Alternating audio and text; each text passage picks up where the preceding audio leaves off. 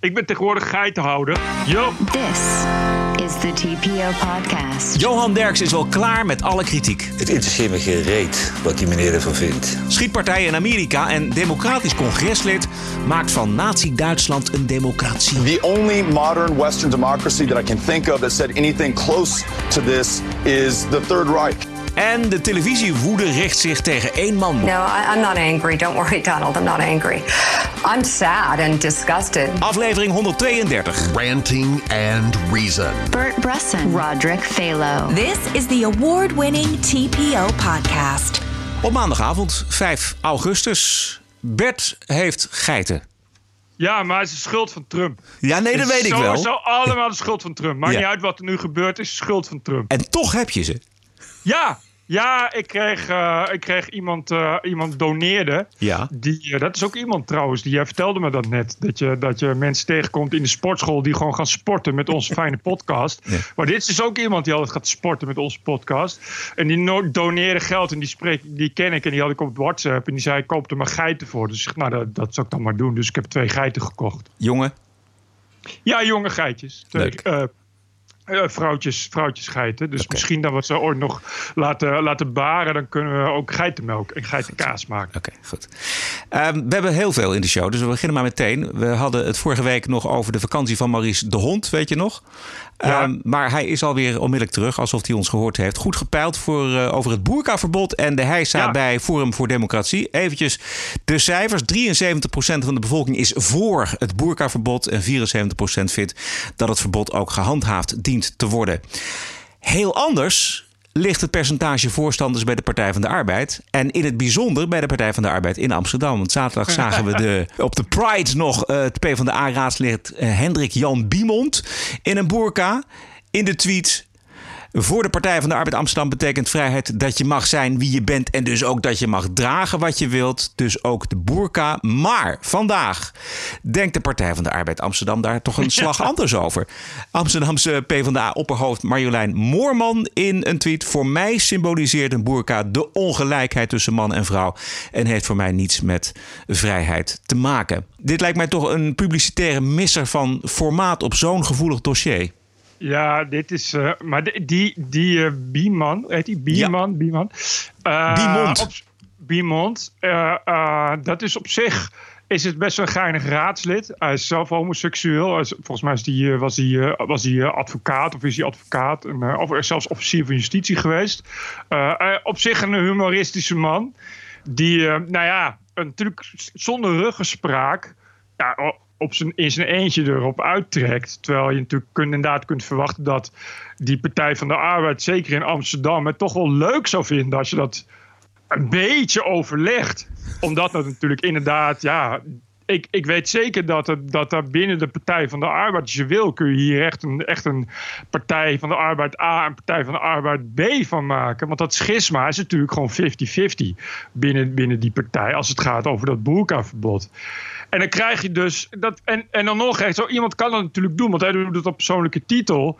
Maar ja, het is natuurlijk ook iemand die dan graag eh, de publieke ruimte ziet, dus zoekt. Dus die, je gaat natuurlijk niet zomaar in een knalgele boerka lopen. Je wil dan wel graag dat iedereen dat ziet. Ja. Anders is het deugen natuurlijk helemaal voor niks Nee, geweest. precies, precies. Maar hoe, Dus- hoe... Ja, sorry. Ja, dus gaat zoiets op social media en gaat het een eigen leven leiden. En daar, is daar gaat het natuurlijk mis. Ja. Je, maar wel omdat- iemand die dat, die die foto en die uitspraak eh, op het account van de Partij van de Arbeid heeft getweet. Dat dan weer wel.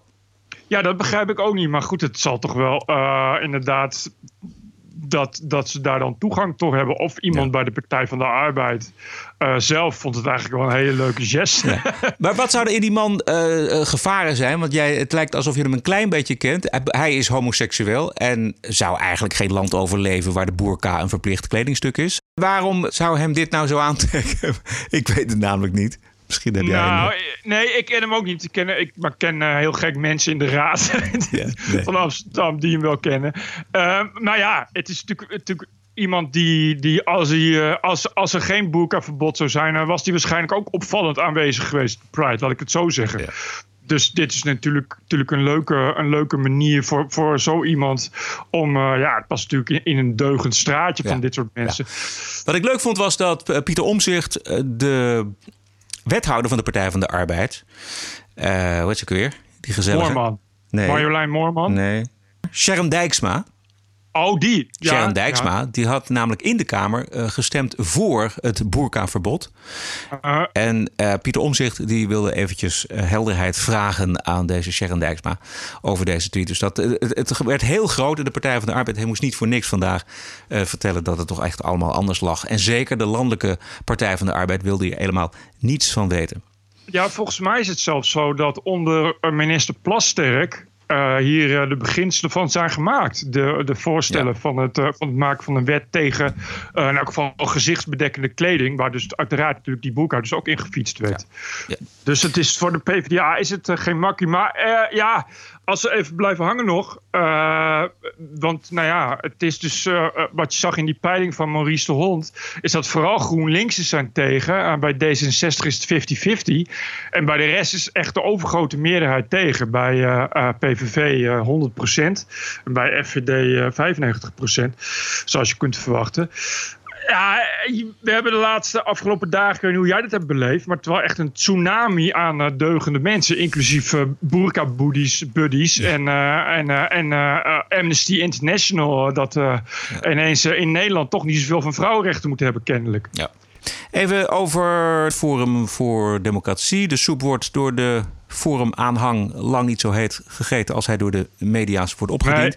Nee. 38% vindt dat Baudet te filosofisch is. Hebben we vorige week ook al besproken. Maar vooral ja. uh, hoopt 82% van de groep dat Forum voor Democratie bij de volgende verkiezingen de grootste wordt. En 90% ja. vindt dat de problematiek in de media bewust wordt uitvergroot omdat de FVD te groot dreigt te worden. Dus Precies. kortom, weinig schade. Nou ja, zoals voorspeld die FVD-kiezers ja. kan het allemaal niet zoveel schelen. Bovendien, uh, ze hebben heel slim, zag ik, heel slim zijn ze gewoon doorgegaan. Ze zijn direct overheen gestapt, niet te veel woorden aan vuil maken. En zijn daarna echt, eigenlijk, ik geloof dat het dinsdag was of maandag, meteen weer begonnen met een nieuw offensief tegen identiteitspolitiek. Wat natuurlijk, natuurlijk een ideaal moment is ook. Dus, en dat is precies allemaal wat die FVD-kiezer aanspreekt. Dus, dus ja, die halen inderdaad de schouders op. En ze hebben wel wat zetelsverlies, geloof ik. Weet je, het is ja. maar een heel beperkt licht electoraal verlies. Precies zoals je kon verwachten. Uh, en en dat, is, dat, dat van die media is wel belangrijk. Want het, dit zijn, het zijn allemaal bij uitstek mensen die de, die de mainstream media ook niet vertrouwen. Dus als er dat soort dingen gebeuren, is het eerste wat ze denken: ja, de media die maken het vooral zo. Dus, dus, dus je, hebt, je hebt veel minder schade van de media voor de FVD-kiezers dan dat je bijvoorbeeld hebt voor, voor de keurige VVD of, of, ja. of de, de Partij van de Arbeid. Ja, het, het, zegt ook iets over de kansen van Henk Otte met zijn nieuwe partij. Die lijken me niet zo groot. Nee, want het is heel moeilijk om voor Henk Otte om straks nog aandacht te genereren. Ja. Uh, mits het Cherry lukt om erover op te houden. Uh, want ja, het verhaal is wel verteld. En je, nee. kijk, hij heeft natuurlijk één keer NSC en een Telegraaf. Ja, dat was het wel. Dus, dus, en als je dan nog een partij wil beginnen, dat momentum is natuurlijk wel heel erg voorbij. Om andere senatoren mee te nemen. Nou. Misschien dat er twee of drie zijn. Maar ja, je krijgt daar niet meer uh, de media-aandacht mee die, uh, die je nu kreeg. En dat was een beetje ongelukkig getimed, want het was midden in de komkommertijd. Ja. Dus heel veel mensen waren op vakantie. Dus ik zie dat ook niet echt gebeuren, eerlijk gezegd. Nee. Ranting and Reason. TPO Podcast. TPO Podcast, dat zijn wij. Eventjes nog over de, over de Pride en over de uh, homo-documentaire. Uh, Jan Roos en Jan Dijkgraaf die hebben aangifte gedaan bij de Raad voor de Journalistiek. Omdat zij beschuldigd zijn in de documentaire over homoseksualiteit uh, van ex-politievrouw Ellie Lust. En daarin zat ook advocaat Sidney Smeets en die zei het volgende. De voedingsbodem voor het gegeven dat rechters het steeds moeilijk vinden om homofobie als homofobie te kwalificeren, is dat op straat in het dagelijkse uh, leven het normaal lijkt te zijn geworden om mensen uit te schelden voor homo, voor vieze flikker, voor kanker uh, homo. En waarom is dat normaal? Dat is mede normaal omdat er allerlei mediapersoonlijkheden zijn, Jan Roos, Johan Derksen. Jan Dijkgraaf, noem ze maar op, die in hun uitingen, in hun columns, in hun televisieprogramma's homofobe en transfobe grappen maken. Zij noemen dat grappen. Op het moment dat ze iemand uh, neerzetten als minderwaardig, als iemand die eigenlijk uh, reden heeft om bespot te worden, dan is dat homofoob en transfoob. En als je dat doet, dan normaliseer je dat dat oké is. Dat je dus mensen vanwege die LHBTI-plus ge, uh, geaardheid... gewoon belachelijk kunt maken. Dus? En dat is de eerste stap op weg naar geweld. Genocide, oh. Ja, bijna. Uh, in ieder geval geweld. Deze advocaat die legt dus een directe link tussen grappen en geweld. Uh, en Roos en Dijkgraaf die hebben bij de Raad voor de Journalistiek een klacht ingediend uh, dat hen geen wederhoor geboden is. Hebben ze kans en hebben ze een punt? Bert. Nou, een punt zeker. Maar een kans lijkt me. Ik, nou ja, Raad voor Journalistiek, ik weet ook niet wat ze daarmee willen. Ik geloof, maar ik dacht dat ze aangifte gingen doen. Het is kennelijk nu alleen bij de ja, Raad. aangifte bij de Raad voor de Journalistiek. Nou, het ja. lijkt me vrij, vrij kansloos, uh, omdat je dan krijgt van ja, jullie zijn, jullie zijn columnisten, dus jullie hebben alle ruimte om wederhoor te geven ten eerste. En ten tweede, hoezo moet je wederhoor geven over iemands mening? Maar ten derde, ik begrijp, dit is Sidney Smeets. Het is echt, je kan het wel advocaat noemen, maar dit is een uiterst hinderlijke Twitter-narcist. Sowieso een narcist die echt al jaren niks anders doet dan brully, huilie, huilie over homofobie. Uh, als het kan over Sidney Smeets. En hij is denk ik gewoon ook blij dat hij homo is. Omdat hij dan kan zeuren over homofobie. En was hij dat niet geweest, dan had hij waarschijnlijk wel wat anders gevonden om over te zeuren. En nu heeft hij eindelijk een plekje in de spotlight om uitgebreid te jammeren en te klagen over de mensen die hem altijd zo lastigvallen op Twitter. Maar gelukkig is hij zelf natuurlijk volkomen onschuldig op Twitter en haalt hij absoluut nooit het bloed onder de nagels vandaan van de mensen met wie uh, twittert. En uh, ja, weet je, ik, dat is waarvan ik bij Jan Roos en Jan Dijkgraaf denk van dat is de andere kant. Uh, je moet eigenlijk dit soort gasten volkomen negeren. Het is al treurig genoeg dat dit soort mensen mogen komen mekkeren bij Jinek. En dat dit soort mensen uh, elke keer weer een podium krijgen met hun gelikte opinie in het ja. parool en weet ik veel ja. wat. Ja. Nee, maar uh, omdat het misschien omdat het komkommertijd was, uh, is er heel ja. veel aandacht voor deze documentaire. Uh, perfect getimed natuurlijk met de Pride, dat is allemaal niet voor niks. Um, en uh, Roos en Dijkgraaf die werden uh, niet aan het woord gelaten, terwijl Johan Derksen wel mocht reageren in het programma. Het interesseert okay. me geen reet wat die meneer ervan vindt. Want ik ben Johan Derksen, ik heb mijn taalgebruik. En als hij dat aangrijpt, mijn taalgebruik... dat dat een hele slechte zaak voor de hele homofiele familie zou zijn... dan weet hij niet wat hij zegt. Ik ga me hier niet staan te verdedigen tegen een of andere advocaat die ik niet ken. maar, maar, hij zegt wel wat, hè? Ik bedoel, hij, kijk, de, het, de invloed... Ik ook, ik ook. Ik zeg ook wat. Zeker. zeker. Dit is mijn mening. Maar, en, en ik trek en er is, geen woord van terug. En die is glashelder. Ja, en wat meneer de advocaat ervan vindt, het zal me worst zijn. Maar volgens deze advocaat Smeets zijn grappen over homo's uh, geen mening, maar is het discriminatie. De denkfout oh. die mensen zoals Johan Derksen maken... is dat hij alleen maar een mening verkondigt. Iedereen mag een mening verkondigen. Ja. Maar homofobie en transfobie, seksisme en racisme... dat zijn geen oh. meningen, dat is discriminatie. En op het moment dat je dat soort grappen maakt... dat je discrimineert, dat je mensen als minderwaardig wegzet... dan draag je bij aan een onveilig klimaat. Kijk, en hier gaat het. Hier, dit is het kantelpunt volgens mij in de documentaire en de hele discussie. Want wat hier volgens mij helemaal misgaat, is dat de grappen de oorzaak worden van het geweld. En dat is natuurlijk veel makkelijker om Johan Derksen of Jan Roos of Jan Dijkgraaf aan te pakken dan de geweldplegers zelf. Daders zijn meestal jonge mannen tussen de 15 en 25 jaar. En vaak van Marokkaanse afkomst, zegt het politienetwerk Roze in Blauw. Als wij spreken met mensen die slachtoffers zijn geworden van een dergelijk feit, dan horen wij wel dat uh, mensen veelal praten over vermoedelijk Nederlandse jonge mannen met een Marokkaanse afkomst. Daar hoeven we ook niet al te moeilijk over te doen.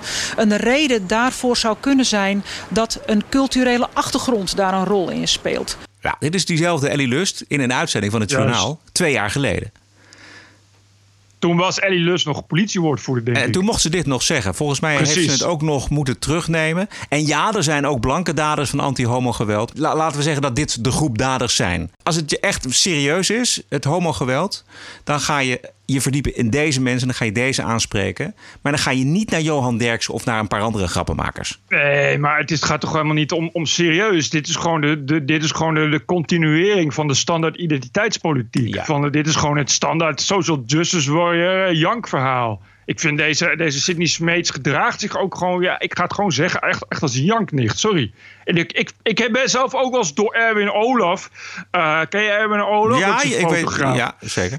Er was een uitzending van uh, Pauw en Witteman. Ja. En uh, die werd ineens helemaal agressief omdat ik van geen stijl was. Terwijl we op geen stijl uh, nooit iets anders hadden gedaan dan het opnemen voor Erwin Olaf. Omdat Erwin Olaf altijd heel duidelijk was over wie inderdaad de daders waren van anti-homo-geweld. Anyways, die zei hetzelfde van ja, door, door, door dat soort dingen maken jullie geweld tegen homo's mogelijk. Het is, dit is de treurige blame game, omdat je, dit gaat het precies hetzelfde als, als dat het, als je iets over Marokkanen zegt, is het racisme. En als je nu, is het tegenwoordig ook al hip, als je iets over vrouwen zegt, is het, is het seksisme. Uh, weet je, als je uh, in, een, in een bar met een vrouw flirt, er zijn ook mensen die geen homo zijn, dat ga je nog wel eens te vergeten, maar dat is echt waar. Als je dan in een, in een café met, naar, iets lang naar een vrouw kijkt, is het me too. Dan heb je daar ook een soort verkracht en is het microagressie. En dat is deze deze lijn, dit soort mensen als die Sidney Smeet zetten dit soort lijnen door. Maar het gaat nooit over hun. Zelf stijgen ze overal bovenuit uh, en zijn ze onaantastbaar. Want op het moment dat je iets terugzegt tegen, tegen Sidney Smeets, ja, dan maak, je dan maak je geweld tegen homoseksualiteit mogelijk. Ja. Want ze draaien het altijd zo dat, je, dat, dat, dat het dan over hun homoseksualiteit gaat. Want dit gaat ook weer over homoseksualiteit. Dus als jij kritiek hebt op die, op die documentaire of op dat hele lulverhaal van Sidney Smeet, zeg zo, ho, ho, ho, dat is homofobie. Dat mag niet, hè? Want dan uh, maken jullie uh, geweld tegen homoseksualiteit mogelijk. Ja. Dat klopt, maar ik vind het ook vooral laf, omdat ze niet over de daders durven praten. Heel even zijdelings komt in die documentaire langs dat het gaat om allochtone en autochtone jongeren. Maar that's it. En voor de rest gaat het alleen maar over de taal en over grappen en over Jo. dat de goede gemeente een, een klimaat schept waarin dit geweld kan gebeuren. En Datzelfde zullen we zo meteen zien uh, als we naar Amerika gaan. Datzelfde Ik gebeurt met, uh, met Donald Trump. Maar het, is- is, het zo, is- het is zo makkelijk. Wat je zegt, het gaat altijd over taal, over grappen, want de humor moet ook kapot. Weet je, het zijn altijd dat soort dingen. Die, die treurige, treurige achterhoedige vechten van dit soort D66-stemmers in de Randstad. Ja. Flikker toch op, man. Oh, En- sorry. Eh, Sorry, ik zei flikker. Hè. Bedoel ik helemaal, ik wil niet dat Cindy Nee. Smeet straks... eh, En de straffen natuurlijk, hè? Nu zie je dat eh, daders van dit soort geweld vaak wegkomen met 40 uur taakstraf of een boete van 400 euro. Dat kan niet. Tanja Ineke van het COC. Het COC zegt ook harder straffen. Nou, en laat, laten we ons dan inzetten eh, voor hardere straffen. Ja, maar dat mag ook niet. Wat gaan we dat doen? Fa- Fascisme. Oh ja, Harde dat- straf. ja. Mag, mag, ook, mag ook niet. Nee. Laten we afsluiten met humor om te lachen. But this fella, quite, quite a strange thing. This fella in Manchester, he came up to me one day and he goes, You know, if you wear an earring in your right ear, which I do, he said in England that means you're gay. It's fucking weird. It does. Well, it's weird, mate. See, in Australia, it's when you got your cock in another man's ass.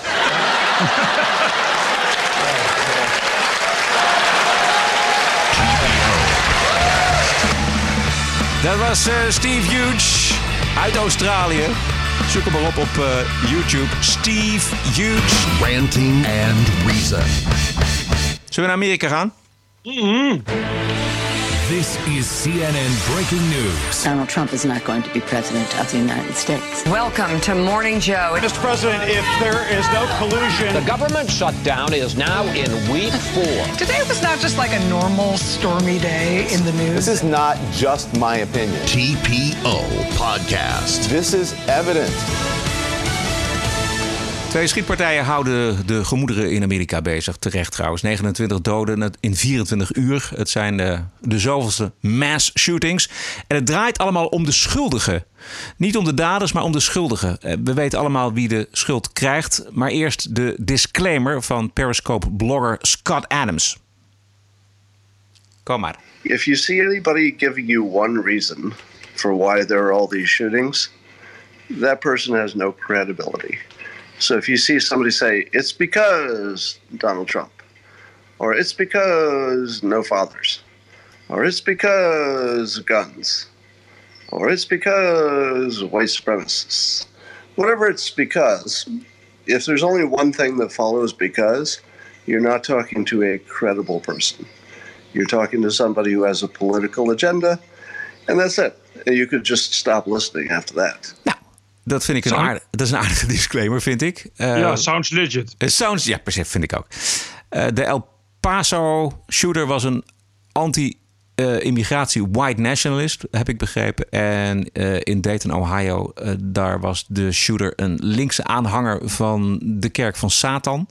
Bovendien... En, en Bernie Sanders. Ah, ik dacht Alexandria Ocasio-Cortez en Elizabeth Warren. Daar hoort ook Bernie Sanders bij, ja. Hij was destijds toen in 2016, toen Trump won, was hij woest. en toen schreef hij dat, hij, ik, de, dat ik wil socialisme. En, het kan, en ik ga ervoor zorgen dat we het krijgen, iets in die zin. Dus hij was, was in elk geval echt een vrij linkse jongen. Ja. Inderdaad, Elizabeth Warren en Cortez en, en Bernie Sanders waren allemaal zijn, zijn, zijn idolen. Ja. En krijgen zij de schuld? Nee, dat vind ik wel raar. Dat was, ik dacht van, nou, dus zal nu wel, eh, de media zal nu wel uh, mass, massaal de schuld gegeven aan Bernie Sanders. Het was uh, heel stil ineens. Heel stil. Uh, in tegenstelling tot de andere schietpartij. Alle democraten die krijgen op alle zenders de gelegenheid uh, te wijzen naar één man. Kom er maar in! Congress Democrat Beto O'Rourke. Um, I, I, mean, the president has not been shy. He's not been saying this behind closed doors. This is out in the open. You know, all people of, of one religion inherently defective and should be banned from the shores of this country. Uh, the only modern Western democracy that I can think of that said anything close to this is the Third Reich, uh, Nazi Germany.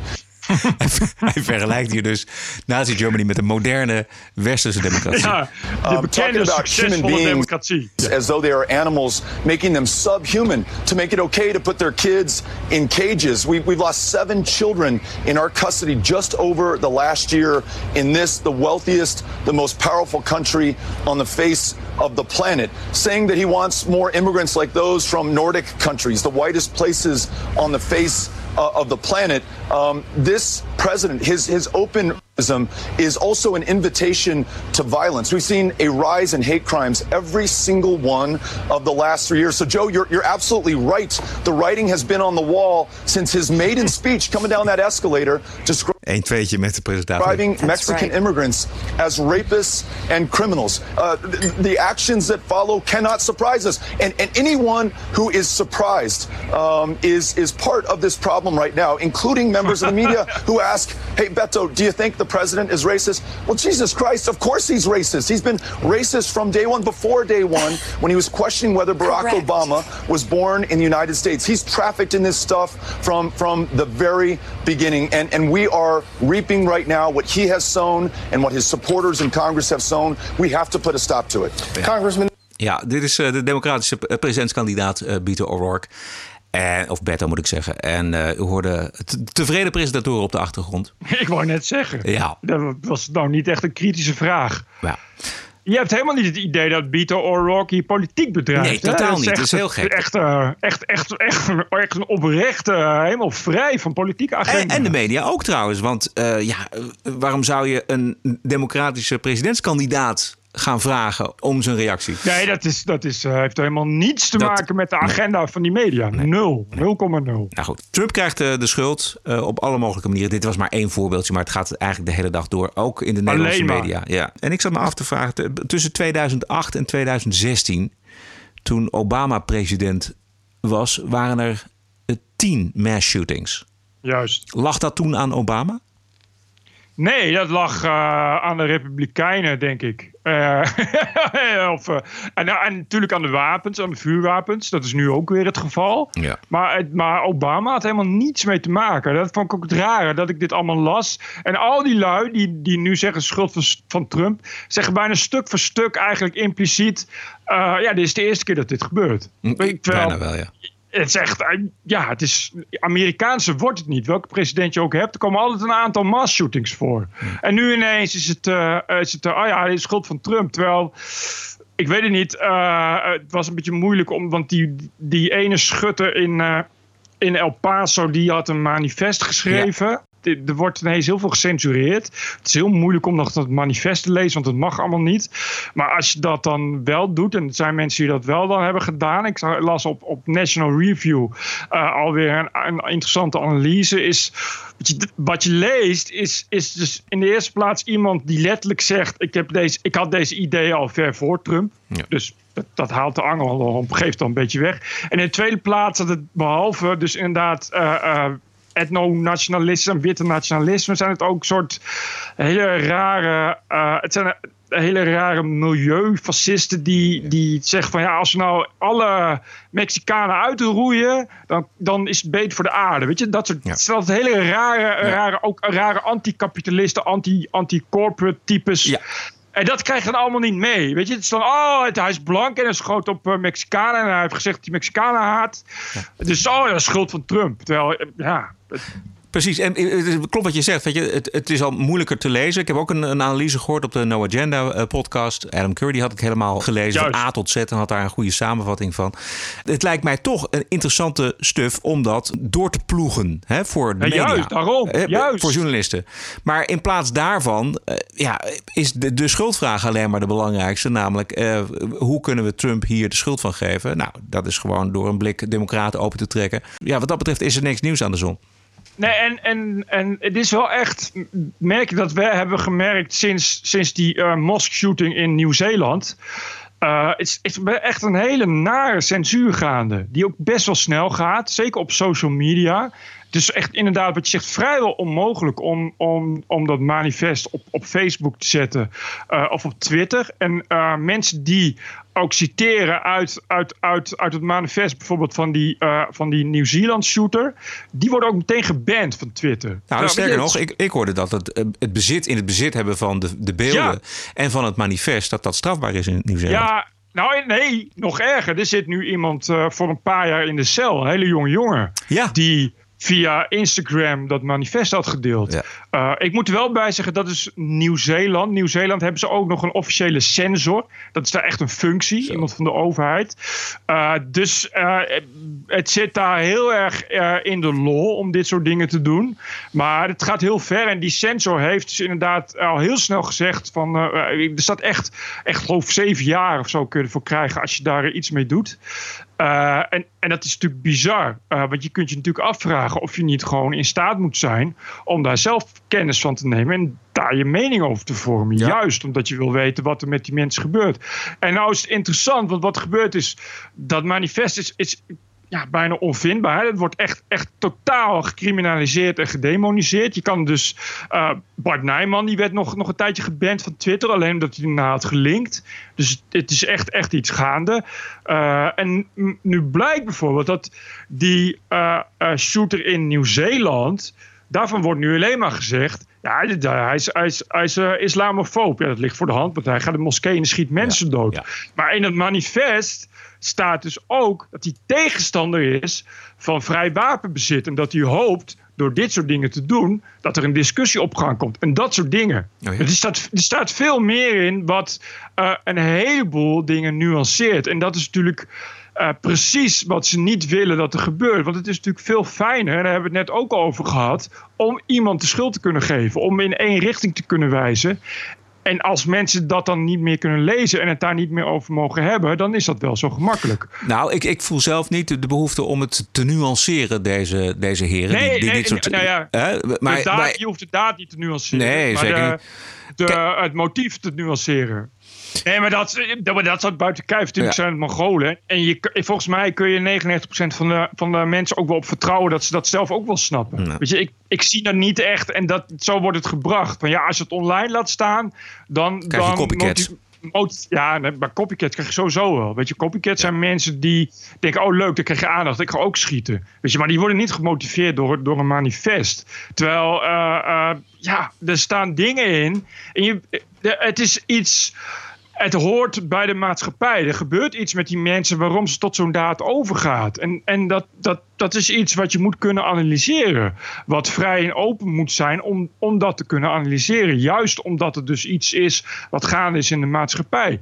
En je, je, maar als je, dat, als je gaat zeggen, ja, uh, je mag er helemaal niks meer mee. En we moeten dat, in Nieuw-Zeeland willen ze het echt. Want dan zeggen ze ook echt van ja, want als je dat doet is, is, is terreur bejubelen. Dus die beelden mogen ook niet, maar helemaal niks. Het moet echt helemaal worden uitgegumd. Maar dat, dat doe je toch ook niet met de holocaust? Je, zegt toch, je zegt toch ook niet... Uh, in de meeste landen kun je, gewoon, kun je gewoon mijn kamp kopen. Zelfs in Duitsland is mijn kamp nu alweer beschikbaar. Met, met wetenschappelijke uh, annotaties, maar stil, maar stil. Weet je, nee, bedoel, je zegt ook niet... Ah, ik wil liever niet meer dat jullie, dat jullie Hitler citeren. Want dan krijg je een ban. Want ja, dat zet mensen maar aan tot, tot, tot genocide en, en het stichten van een derde rijk of zo. Ja. Weet je, dat, je, je wilt toch weten wat daar... Wat, wat daar de grondslag voor is. Ja, Wat daar gaande is. Ja, dat, dat, dat, ga je toch niet censureren? Ja. Terwijl, en ik ben wel, dat is wel ook belangrijk. Ik begrijp wel, en zelfs Trump is het met mij eens. Nou, dat is toch fijn dat Trump het een keer met mij eens is. Uh, die zegt ook van ja, we moeten. Uh, de, de, die haat op social media dus, dus de aankondigingen, want dit, het zijn de hele tijd mensen die dat zeggen, die meerdere malen zeggen: Ik ben zover, ik heb wapens, ik ga die, ik ga die daad plegen, ik ga mensen omleggen. Weet je, dat moet, dat moet inderdaad strenger gecontroleerd kunnen worden. Even luisteren naar Trump. Ja. The shooter in El Paso posted a manifesto online consumed by racist hate. In one voice, our nation must condemn racism, bigotry, and white supremacy. These sinister ideologies must be defeated. Hate has no place in America. Hatred warps the mind, ravages the heart, and devours the soul. Ja, en verderop uh, noemt hij dan inderdaad nog de, de videogames en het, uh, ja, het, de, de cultuur van geweld die ook bij die jongen in El Paso zeker gespeeld heeft. Want wat ik gelezen heb over ja. hem is dat hij al jaren uh, dodenlijsten maakte van kinderen in zijn klas. En, nee, dat was volgens mij Dayton. Of niet? In Ohio, oh, die andere okay. shooter. Okay. Maar, maar in elk geval, inderdaad, het zijn in beide gevallen waren het, want die andere die had inderdaad ook al in videogames inderdaad ja. al, al mensen gezegd van ik wil graag moorden en dat ja, soort precies. dingen. TPO Podcast. Even wat leuks. Afgelopen week waren er twee uh, debatten uh, van de democratische uh, kandidaten. En verreweg de meeste indruk maakte op mij Tulsi Gabbard van Hawaii. Zij gaat um, op magistrale wijze het gevecht aan met een van de grote kanshebbers voor de democratische kandidatuur, Kamala Harris. I want to bring in Congresswoman Gabbard. Congresswoman Gabbard, you took issue with Senator Harris confronting Vice President Biden at the last debate. You called it a quote false accusation that Joe Biden is a racist. What's your response? I want to bring the conversation back to the broken criminal justice system that is disproportionately negatively impacting black and brown people all across this country today. Now, Senator Harris says she's proud of her record as a prosecutor and that she'll be a prosecutor president, but I'm deeply concerned about this record. There are too many examples to cite, but she put over 1,500 people in jail for marijuana violations and then laughed about it when she was asked if she ever smoked marijuana. she blocked evidence. She blocked evidence that would have freed an innocent man from death row until the courts forced her to do so. She kept people in prison beyond their sentences to use them as cheap labor for the state of California. And she fought to keep cash you, bail system in place that impacts poor people in the worst kind of way. Thank you, Congresswoman. Uh, Senator Harris, your response. Ja. Iets van gezien, uh, Bert?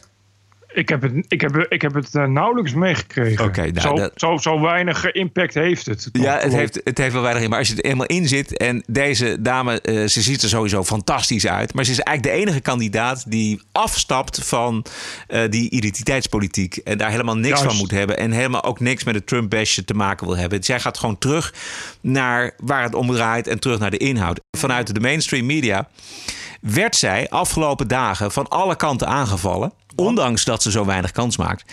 En uh, dat betekent meestal dat je een, een zenuw van het establishment raakt. En dat je dus goed bezig bent. Now, as we stand here tonight, there are thousands of nuclear missiles pointed at us. And if we were to get an attack right here tonight, we would have 30 minutes. 30 minutes before we were hit.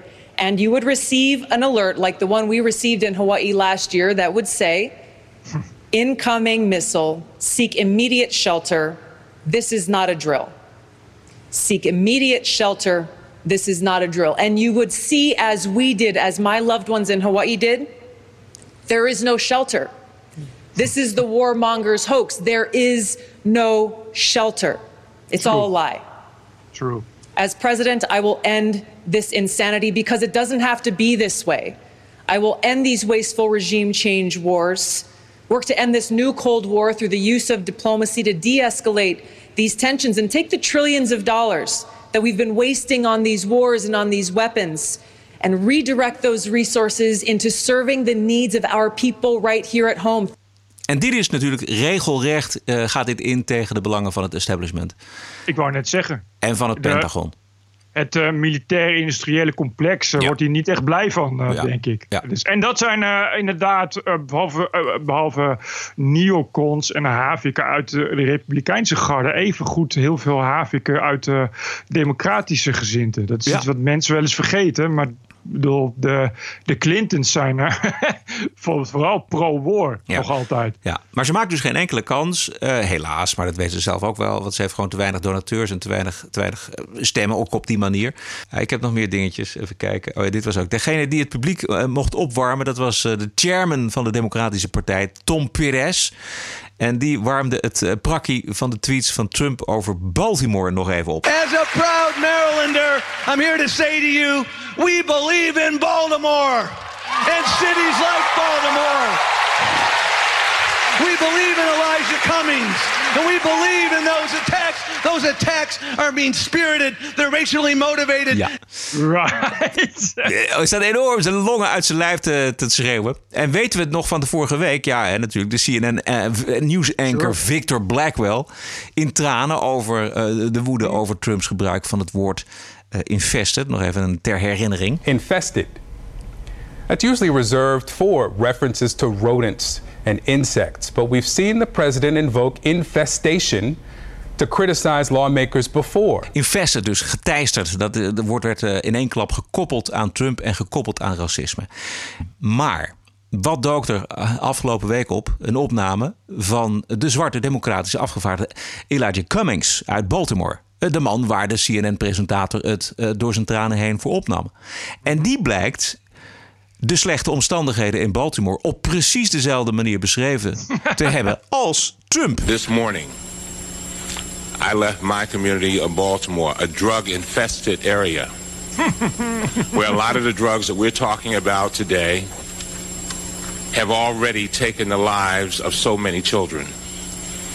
The same children that I watched 14 or 15 years ago as they grew up, now walking around like zombies. This is only 40 miles away from here.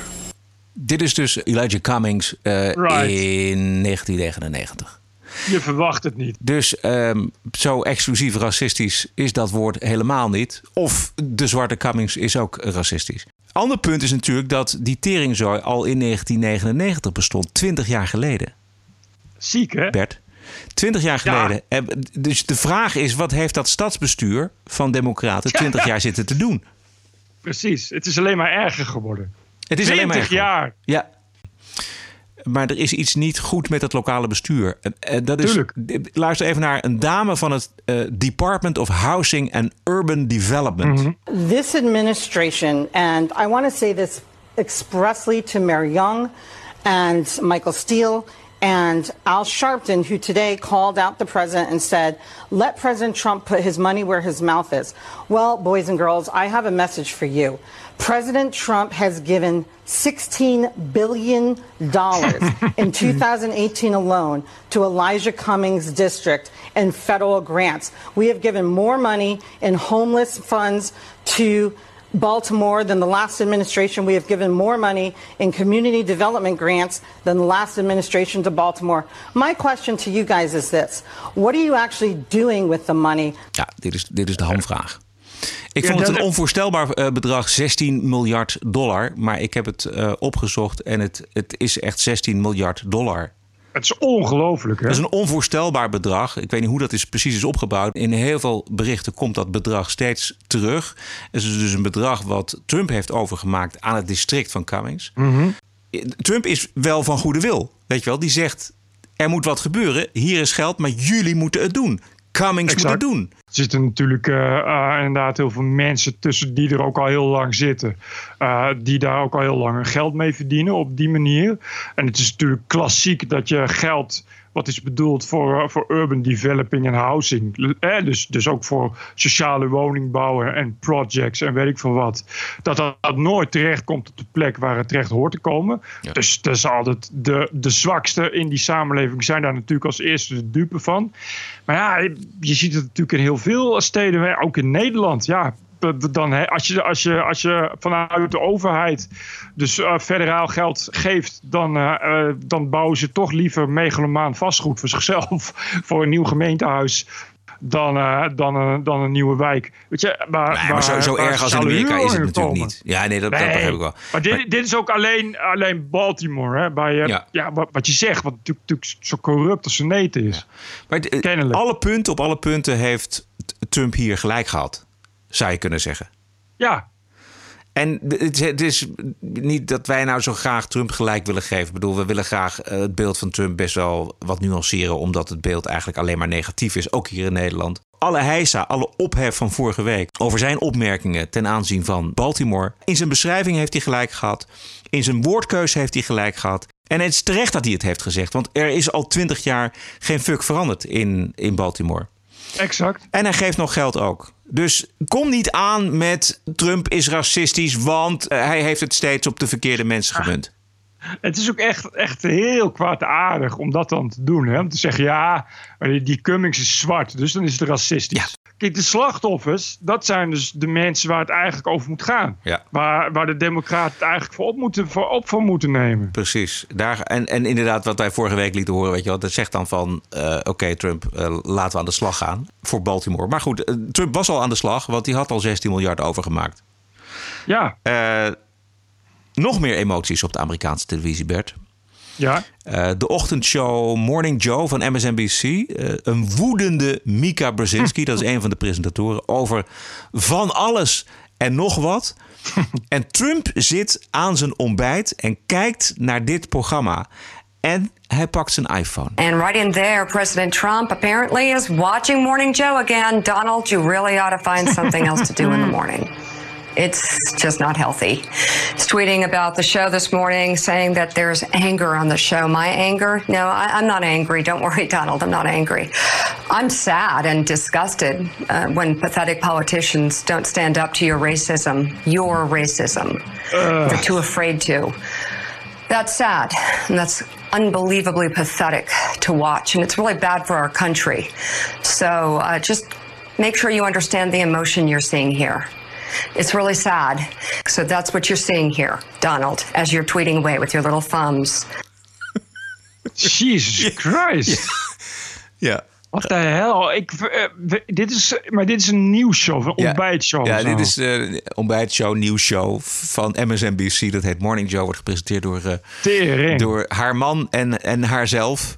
En zij waren ooit op goede voet met Donald Trump. Maar sinds hij had aangekondigd voor echt voor president, het presidentschap te gaan... is het oorlog tussen, die, eh, tussen Oh. dit, dit setje en deze zender en Donald Trump. Het is wel goud dat hij gewoon ga- dan woest gaat twitteren. Dat Ja, ja, wel ja, precies. Ja, ja, over heel, een paar snerende opmerkingen maken. En, eh, en dat krijgt hij dan ook weer terug. Dat is toch geweldig. Oh ja, echt een soort semi-live. Dat je gewoon Ja, contact hebt met de president van de Verenigde Staten. Ik, vind, ik blijf het mooi vinden, dit soort dingen. Ja. Eh, Bert, ik ga even een biertje halen en dan gaan we door met ehm, Jo. Don Lemon. Don Lemon, altijd Jo. Altijd goed. Even, ik loop even naar de, naar de keuken. Ja, ja. Deugen, deugen, deugen, lekker deugen. Deugen als paardenbloem. Ik zing even een mooi liedje. Ik, ben een, eh, ik, ben, eh, ik doe mijzelf voor als een eh, dappere en krachtige BN'er. Ah, heel goed. Ik heb trouwens even tussendoor vandaag een koptelefoon opgehad... die het geluid helemaal wegmaakt. Ja, dat is wel vet. Ken je dat? Nee, maar dat is wel, eh, is wel duur, volgens mij. Ja, het, eh, nieuw de, pff, de 300 nog wat. Oh, Maar je hebt het, nou, 380 vind ik wel veel geld. Maar ehm, daar zit dus iets in. Alle geluidsgolven van buiten, daar eh, geeft hij een tegengolf, Ja, zeg maar. anti-gelu- anti-geluid. Ja. Dat bestaat. Ja. En als je op een redactie zit, of in een vliegtuig, en je hebt geen zin in eh gemekker of wat dan ook, en dat- je doet het ding op, jongen, en je zet hem aan, het is gewoon stil. Het is echt geweldig, hè? Fantastisch. Ik ga hem kopen. Ik heb hem, eh, tenminste, ik heb hem op. eh, op ik moet Ja, hem hebben. Je bent audiofiel of je bent het niet. precies. In een trein of een vliegtuig is Ja. dat wel echt ideaal. Precies, Want en- er zit, het is altijd gezeik met kinderen en mensen die zitten te bellen en weet ik wat verschrikkelijk. Exact. En je hoort de muziek dus ook, want je kunt natuurlijk gewoon aansluiten op eh, een muziekbron. De muziek eh, hoor je dus ook zonder babygeluid of eh, storende factoren van buiten. Dus je hoort puur zuivere muziek. Precies. Ja, het is Dit is, fantastisch. het is ook al handig om, te- om op te zetten en dan niet aan te sluiten als je NPO kijkt. Ja, Dat je, dat je naar Jinek kijkt en gewoon niks hoort. Ja, dat is, ja, dat is geweldig. Of je eigen muziek zalig. gewoon hoort. Of je zet iets anders Ja. op. Ja. Dat je toch eh, eh, gewoon iets leuks, dat je dan toch een beetje zo levend behang, een beetje nog van je belastinggeld gebruik kunt maken. Een beetje, een beetje kijken. TPO Podcast. Heb je nog zin in een stukje Don Lemon? Oh ja, leuk! Meer, meer, meer los Don Lemon. Willen we meer of minder Don Lemon? Meer, meer, meer. meer, meer, meer. Dan regelen we dat. Juist. Eh verreweg de grootste Trump-hater en eh Dito Ijdeltuit eh, van CNN. Er waren vier zwarte kerkleiders bij Trump op bezoek geweest... om te praten over armoede en geweld, zoals in Baltimore. En Don Lemon had er één in zijn programma. Reverend Bill Owens. We have a delay, so pardon me for that. So I just want to, just for the sake of time, and I don't mean to cut you off here. The question was, what did the president say about his attacks against those leaders of color, and did any of the faith leaders raise concerns about that? I don't remember him saying anything about leader, uh, colored leaders, uh, uh, leaders that are colored. Uh, there were some things discussed, uh, said, but I don't remember him referring to leaders of color. Did anybody there raise concerns about what he has been saying lately about uh, people like Elijah Cummings or anyone? Well, that was not the purpose of the meeting today. Today, the meeting was how can we help the black community? That is my concern. That was the purpose of the meeting. That is the reason I came to Washington, and that is my focus helping our inner city young people, especially our children, our young people. Nou, je hoort het al, dit is helemaal niet wat Don Lemon wil horen. De ellende in Baltimore, dat zal hem echt worst wezen. Hij wil avond en avond maar één ding. En dat is Trump bashen. So the president tweeted today that he was looking forward to his meeting with wonderful inner city pastors. Any concern for you that the president used this meeting with black leaders to insulate himself from that criticism? I don't think so. I don't. I don't think that at all because I've been to the White House four times in five months. So it was nothing about insulating him from anything. He wanted to hear from us what our concerns were and what he could do to help us. En omdat Don Lemon wel had verwacht dat dit gesprek niet de kant op zou gaan die hij graag wil, gooit hij het over een andere boeg. So, uh, Pastor, you've said some controversial things before. In 2012, you equated President Obama's support of same sex marriage to supporting child molestation. You later walked that back. But that in itself is an outrageous statement. Why should anyone take you I seriously? never said. I've never said that. I had. Oh, Dit is zo smerig, jongen. Dus dan heb je een gast Ja. en, die, dan ben je, en die zegt dingen waar jij het niet mee eens bent. Nou, dan maak je hem gewoon kapot. En dan maar zeg je- gewoon live karaktermoord. Ja, precies. Exact, live. Je nodigt hem uit en vervolgens stel je een vraag. Waarom zullen we u serieus nemen? I've never mentioned a child about President Obama. Never, never, never. If I did, find it. We had a deep conversation with one of his key assistants to talk about the things that we disagree with him on. And the only thing I disagree with President Obama on was same-sex marriage. Maar Don Lemon wil het nog één keer proberen. So, uh, you know, I know it's hard for you. You think it's hard to believe that Trump is racist, but he's repeatedly used racially charged language. He consistently attacks black and brown elected leaders.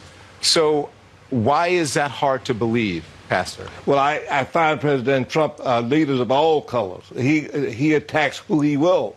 He's his own man, and I can't I can't dictate what he should or should not do, but he does not just attack black people. He attacks anybody, and you know it.